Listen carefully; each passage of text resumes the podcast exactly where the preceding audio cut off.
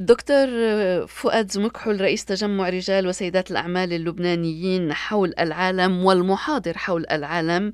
أنت حضرت الليلة الماضية في مونريال. اسمح لي أن أطرح السؤال الأول من وحي محاضرتك. أين نحن وإلى أين ذاهبون؟ أين لبنان اليوم وإلى أين يتجه طبعا على الصعيد الاقتصادي بصورة أساسية؟ أول شيء بدي أحييك ست مي بدي دائما شرف نكون معك وأنا فرح جدا نكون بمونريال. امبارح كانت بصراحة محاضرة شيقة مع مع كل الجالية اللبنانية وغيرها وحضرتك كنت موجودة هذا كان شرف لي وبنتمنى نقدر نعطي بكل شفافية وموضوعية النقط الكبيرة اللي تحدثنا فيهم ونظرتنا للواقع الاقتصادي والمالي والنقدي والاجتماعي اللي عم بيمر مليون لبنان. ونفس الوقت مش عم توقعات لأنه نحن منا لسنا منجمين لكن نشتغل على الأرقام ونبني عليهم. نعم. آه، بالحقيقة نحن إذا بدنا حتى نشخص المشكلة الكبيرة اللي عم بيمر فيها اليوم لبنان نحن أزمتنا اليوم الحقيقية هي آه، أزمة سيولة بامتياز وشحب العملات الأجنبية وخاصة بالدولار الأمريكي. آه، بنعرف إنه نحن لبنان مدولر مثل ما بيقول واقتصاده مبني على التبادل التجاري بالعملة الخضراء والعملة الأجنبية. وهيدي المشكلة الأساسية اللي نحن آه، عم نشهدها ومبلشة من من أشهر لبل من سنين. والمشكلة الأساسية الثانية المهمة جدا آه، هي انحدار الثقة انحدار ثقة المستهلك انحدار ثقة المجتمع الدولي بطريقة أكثر انحدار الثقة بين الشعب والدولة. بين المجتمع الدولي والدولة وانحدار الثقة بين المغتربين اللبنانيين وهذا الشيء شفناه على كل حال امبارح ودولتهم الأم لبنان. وقت في انحدار ثقة أكيد في آه، تراجع كبير بالتحويلات وبالعجلة الاقتصادية آه، آه، وغيرها. وبدي ارجع شو أقول شغلة كثير مهمة لأنه عم بينحط مسؤولية أكثر بكثير من الثورة والحراك المدني. وبدي أقول إنه هالمشاكل المالية مبلشة من أشهر لا مشان هيك. نحن شفنا إنه من بعد من تقريبا ست أشهر لسنه آه، كان في تحفيزات كثير كبيرة انعطوا من مصرف لبنان وغيرها إلى استقطاب الأموال إلى لبنان. شفنا كانوا عم ينعطوا فوائد تقريبا 39% لسندات على ثلاث سنين يعني ما يوازي 13% بالسنة و10% مباشر لأي تحويلات من خارج آه، ما دون المليون دولار وغيرها. آه، النقاط الاقتصادية برجع بقول لنقدر نفسر مثل ما حضرتك سألتي أين نحن؟ نعم. نحن إذا بدنا نحط الأرقام الاقتصادية ليلة الثورة يعني قبل قبل ما تبلش بالضبط لازم نعرف على كل حال آه، كل المجتمع الدولي إنه نحن كنا آه، توصل الدين العام إلى ما فوق 86 مليار دولار واللي هو نسبة الدين العام الدين الناتج المحلي تعدت ال 165% يعني كان وصل لبنان على البلد اللي أكثر شيء عنده مديونيه آه، مراقبة للناتج المحلي اللي عنده إياه نعم. نحن كانوا الأرقام البطالة مخيفة لبلد مثل لبنان تعدوا ال 35% من القوى العاملة يعني عندنا ثلث الشعب اللي هو المحرك الأساسي ما عم بيشتغل ونسبة الفقر يعني ما يعيش من تحت ال 5 دولار بالنهار آه، تعدت ال 30% فإذا بنحط هول الأرقام الاقتصادية وأكيد رقم النمو لثامن سنة بالتوالي ما تعدى ال 1% فإذا بنحط كل هالأرقام الاقتصادية آه، بسلة لحالها بنتفهم ليش لبنان اليوم عم بيعاني بأزمة اقتصادية اجتماعية وطبعا نقدية. آه، ومليين نعم. طبعا أزمة السيولة هي التي تشغل بال المواطنين وهم متخوفون على ودائعهم. إضافة إلى ذلك هناك نقص في المواد الأولية المستوردة بما فيها مشتقات النفط والأدوية على سبيل المثال دكتور فؤاد زمكحل هل المصارف قادرة أو تريد فتح اعتمادات للمستثمرين ليتمكنوا من استيراد آه، هذه أنا المواد. موضوع آه، بتشكرك سألتيني السؤال لأنه نحن لنقدر نفسر على موضوع المصارف وخاصة آه، الأموال الموجودة بالمصارف. نفسر شوي للمستمعين كيف كان ماشي إذا بدك القيود اللبنانية الاقتصادية. نحن بنعرف أنه وقت اليوم أي مستثمر بيعمل أي تحويلات إلى أي مصرف. نحن المصرف اللبناني والحلقة الاقتصادية النقدية كانت لبنان أنه كان لبنان عم بيعطي فوائد عالية خاصة بالعملات الأجنبية. نعم. وهالفوائد كانت عاليه لأنه هول آه، مجبورين دائما يكونوا حسب المخاطر السياديه على البلد. يعني كانوا في تقريبا بين الستة والثمانية والعشرة بالمية بيعطوا فوائد على العملات الأجنبية. وبنفس الوقت 80% آه، على كل حال من هالأموال كانوا يستثمروا بمصرف لبنان اللي كان هو يدينها للدولة. يعني كان مصرف لبنان يعطي نقطتين أو ثلاثة للمصرف ويدينوا للدولة. وهيك وصلنا إنه نسبة الأموال الموجودة بالمصارف اللبنانية تعدت ال 170 مليار يعني ما يساوي ثلاث مرات ونص الناتج المحلي اللبناني. و80% من هالأموال استعملوا لدين العام. نعم. يعني نحن دين العام اللي وصل ل 86 مليار أساسه قسم كبير هو 80 أو 70% هو من الودائع في المصارف اللبنانية. وبنعرف إنه نحن الدولة هي دولة عاجزة. يعني بدنا نذكر إنه من آخر 30 سنة وبحب دائما أعطي ميزانية الدولة كانت دائما على عجز. نعم. لأنه نحن موازنتنا بالدولة واللي الكل لازم يعرف إنه مقسمه على ثلاث أجزاء. الجزء الأول اللي هو تقريبا 2 مليار بالسنة تحويلات إلى كهرباء لبنان اللي هي مؤسسة بتخسر مصاري سنويا. عنا ثلث الموازنة بيروح إلى تحويلات إلى آه، آه، رواتب قطاع العام اللبناني. وبدي أذكر إنه قطاع العام اللبناني من أكبر القطاعات بالعالم. يعني 10% من المقيمين في لبنان يعني ما يوازي تقريبا 400 ألف بيعيشوا على حساب الدولة. يعني إلى موظفين آه، قطاع عام سلك عسكري متقاعد متعاقد تقريبا الثلث وشو عملنا؟ نحن اجينا زدنا الرواتب آه، من سنتين ومش قادرين ندفعهم. يعني هيدي كنت دائما نقول نعطى شيك بدون رصيد لاصدقائنا بالدولة. والنقطة الثالثة هي خدمة الدين اللي هي تلت الموازنة.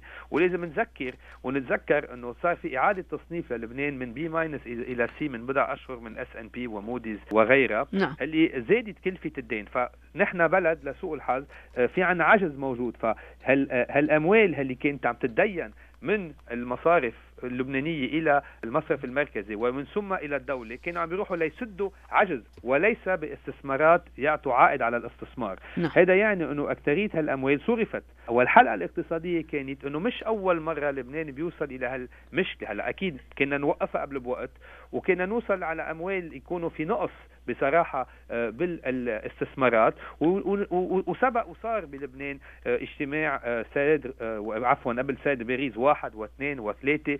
اللي كان أساسهم ضخ سيولة إلى السوق اللبناني. نعم. لكن بدي أذكر أنه نحن كل هالمؤتمرات نظموا للبنان كانوا ديون عم ينعطوا ولكن بالوجه كان عم ينطلب منا إصلاحات.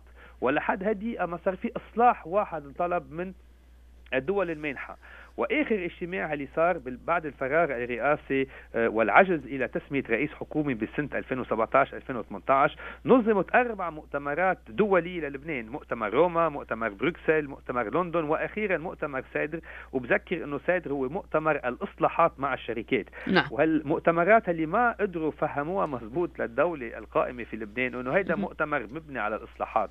وهالمؤتمرات والبلدان المانحة ما راح يمولوا بقى عجز للدولة لكن رح يمولوا آه، مش مشاريع مشاريع واضحة شفافة مع دفاتر شروط آه، بناءة وإذا بدك هيكلية وشفافية وحوكمة رشيد. نعم وحول هذه النقطة بالتحديد دكتور فؤاد زمكحل آه، مؤتمر السادر مختلف ربما عن المؤتمرات السابقة بأن الدول المانحة فرضت شروطا على لبنان لتقديم هذه المساعدات الاستثمارية. هل قدمت الحكومة اللبنانية أي مشاريع أي خطة استراتيجية استراتيجية تنموية أي خطة لإعادة بناء آه، البنى التحتية إلى آخره يعني آه، ليتجاوب نعم بالعكس بتشكرك على السؤال.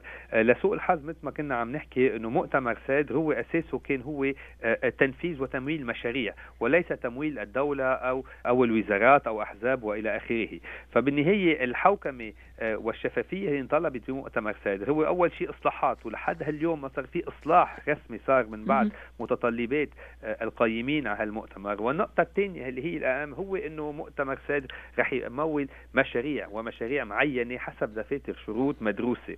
ولحد هدي ما تقدم ولا مشروع حسب متطلبات البلدان المانحة آه، بمؤتمر سادر فنحن كيف بدنا نطلب أموال وضخ سيولة؟ إذا ما صار في آه، إصلاحات المطلوبة أو المرجوة أو الموعودة وما صار في إذا بدك تنظيم إعادة هيكلية مثل ما انطلب. فمن جهة نحن عندنا أزمة سيولة. والحل الوحيد الوحيد على المدى القصير والمتوسط هو ضخ سيولة باليوم قبل بكرة من البلدان المانحة ولا من السلطات الدولية. لكن بنفس الوقت لازم يكون يعني نحن ما حدا بيكون عم يغرق أو يطلب مساعدة إذا ما ساعد حاله.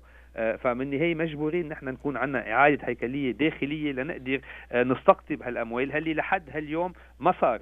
فبرجع بقول إنه الأموال موجودة والنية إلى الاصلاح ومساعدة لبنان من الدول موجودة من بعد سفراتي على كل حال بتعرفي بغمنا نعم. من فرنسا إلى أوروبا إلى كندا وشفنا كل هالبلدان.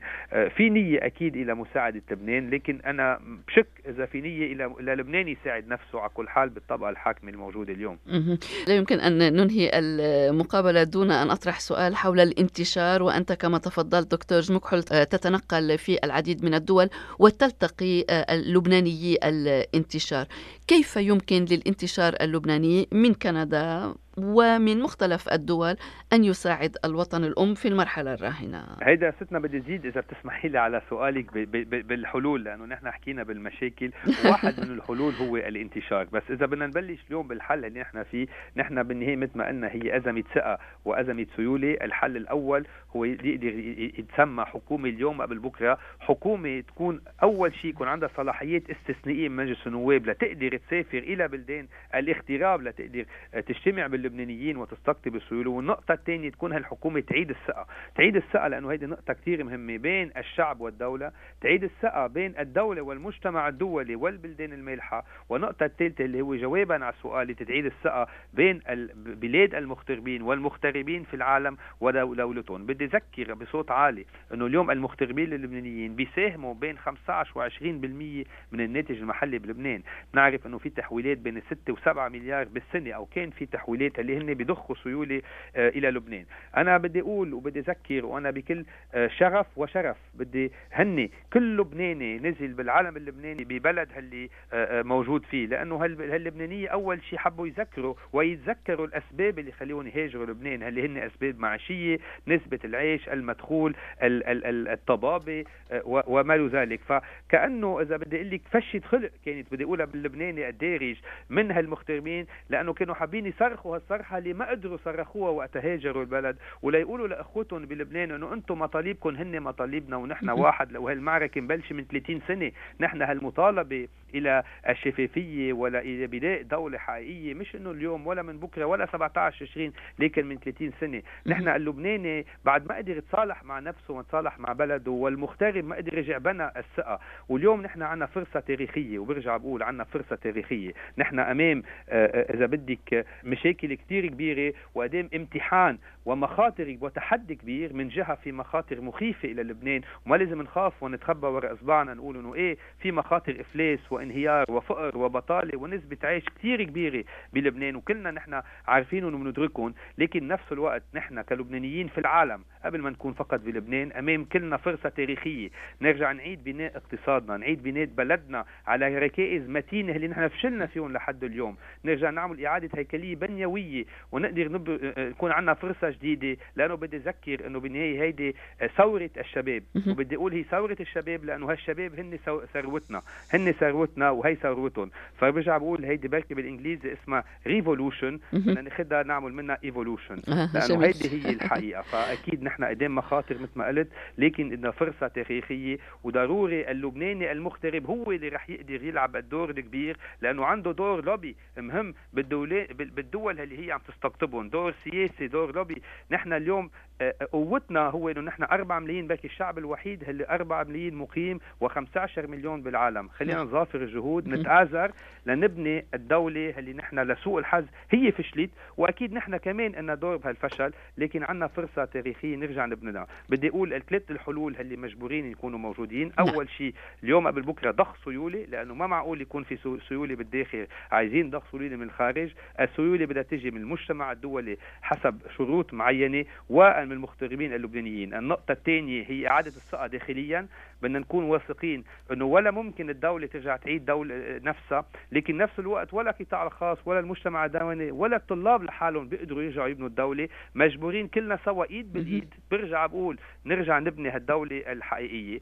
وآخر كلمة للمغتربين لأنه طلبتيها مني. نعم. بدي أقول لهم إنه إذا بس 10% زاروا لبنان مرة بالسنة وصرفوا 2000 دولار بقول 10% هيدي بنضخ للسيولة اللبنانية فوق ال 3 ل 5 مليار سنويا. خليه يجوا يزوروا لبنان يصرفوا اموال لهم لبنان. ونفس الوقت الأموال الموجودة بالمصارف التجارية ننقل قسم منها إلى الشركات اللبنانية القائمة. نجي ننقل لأنه في عندنا شركات بدي أقول مجوهرات في لبنان بيقدروا هن يتوزعوا إلى المنطقة إلى العالم. خلينا نغير تفكيرنا نغير إذا بدك أسس الموجودة. عندنا فرصة عندنا مخاطر. كلمتنا رح تكون إيجابية. نحن منفتحين بنعرف إنه صعبة. لكن اللبناني واللبنان لا لن ولم ينهار. وعلى أمل أن تفتح كل هذه المقترحات قوة أمل في النفق المظلم دكتور فؤاد زمكحل المحاضر حول العالم أستاذ استراتيجيات الإدارة وريادة الأعمال في جامعة القديس يوسف في بيروت ورئيس تجمع سيدات ورجال الأعمال اللبنانيين حول العالم. شكرا لك للمحاضرة ولهذه المقابلة وكل هذه المعلومات. شكرا لك.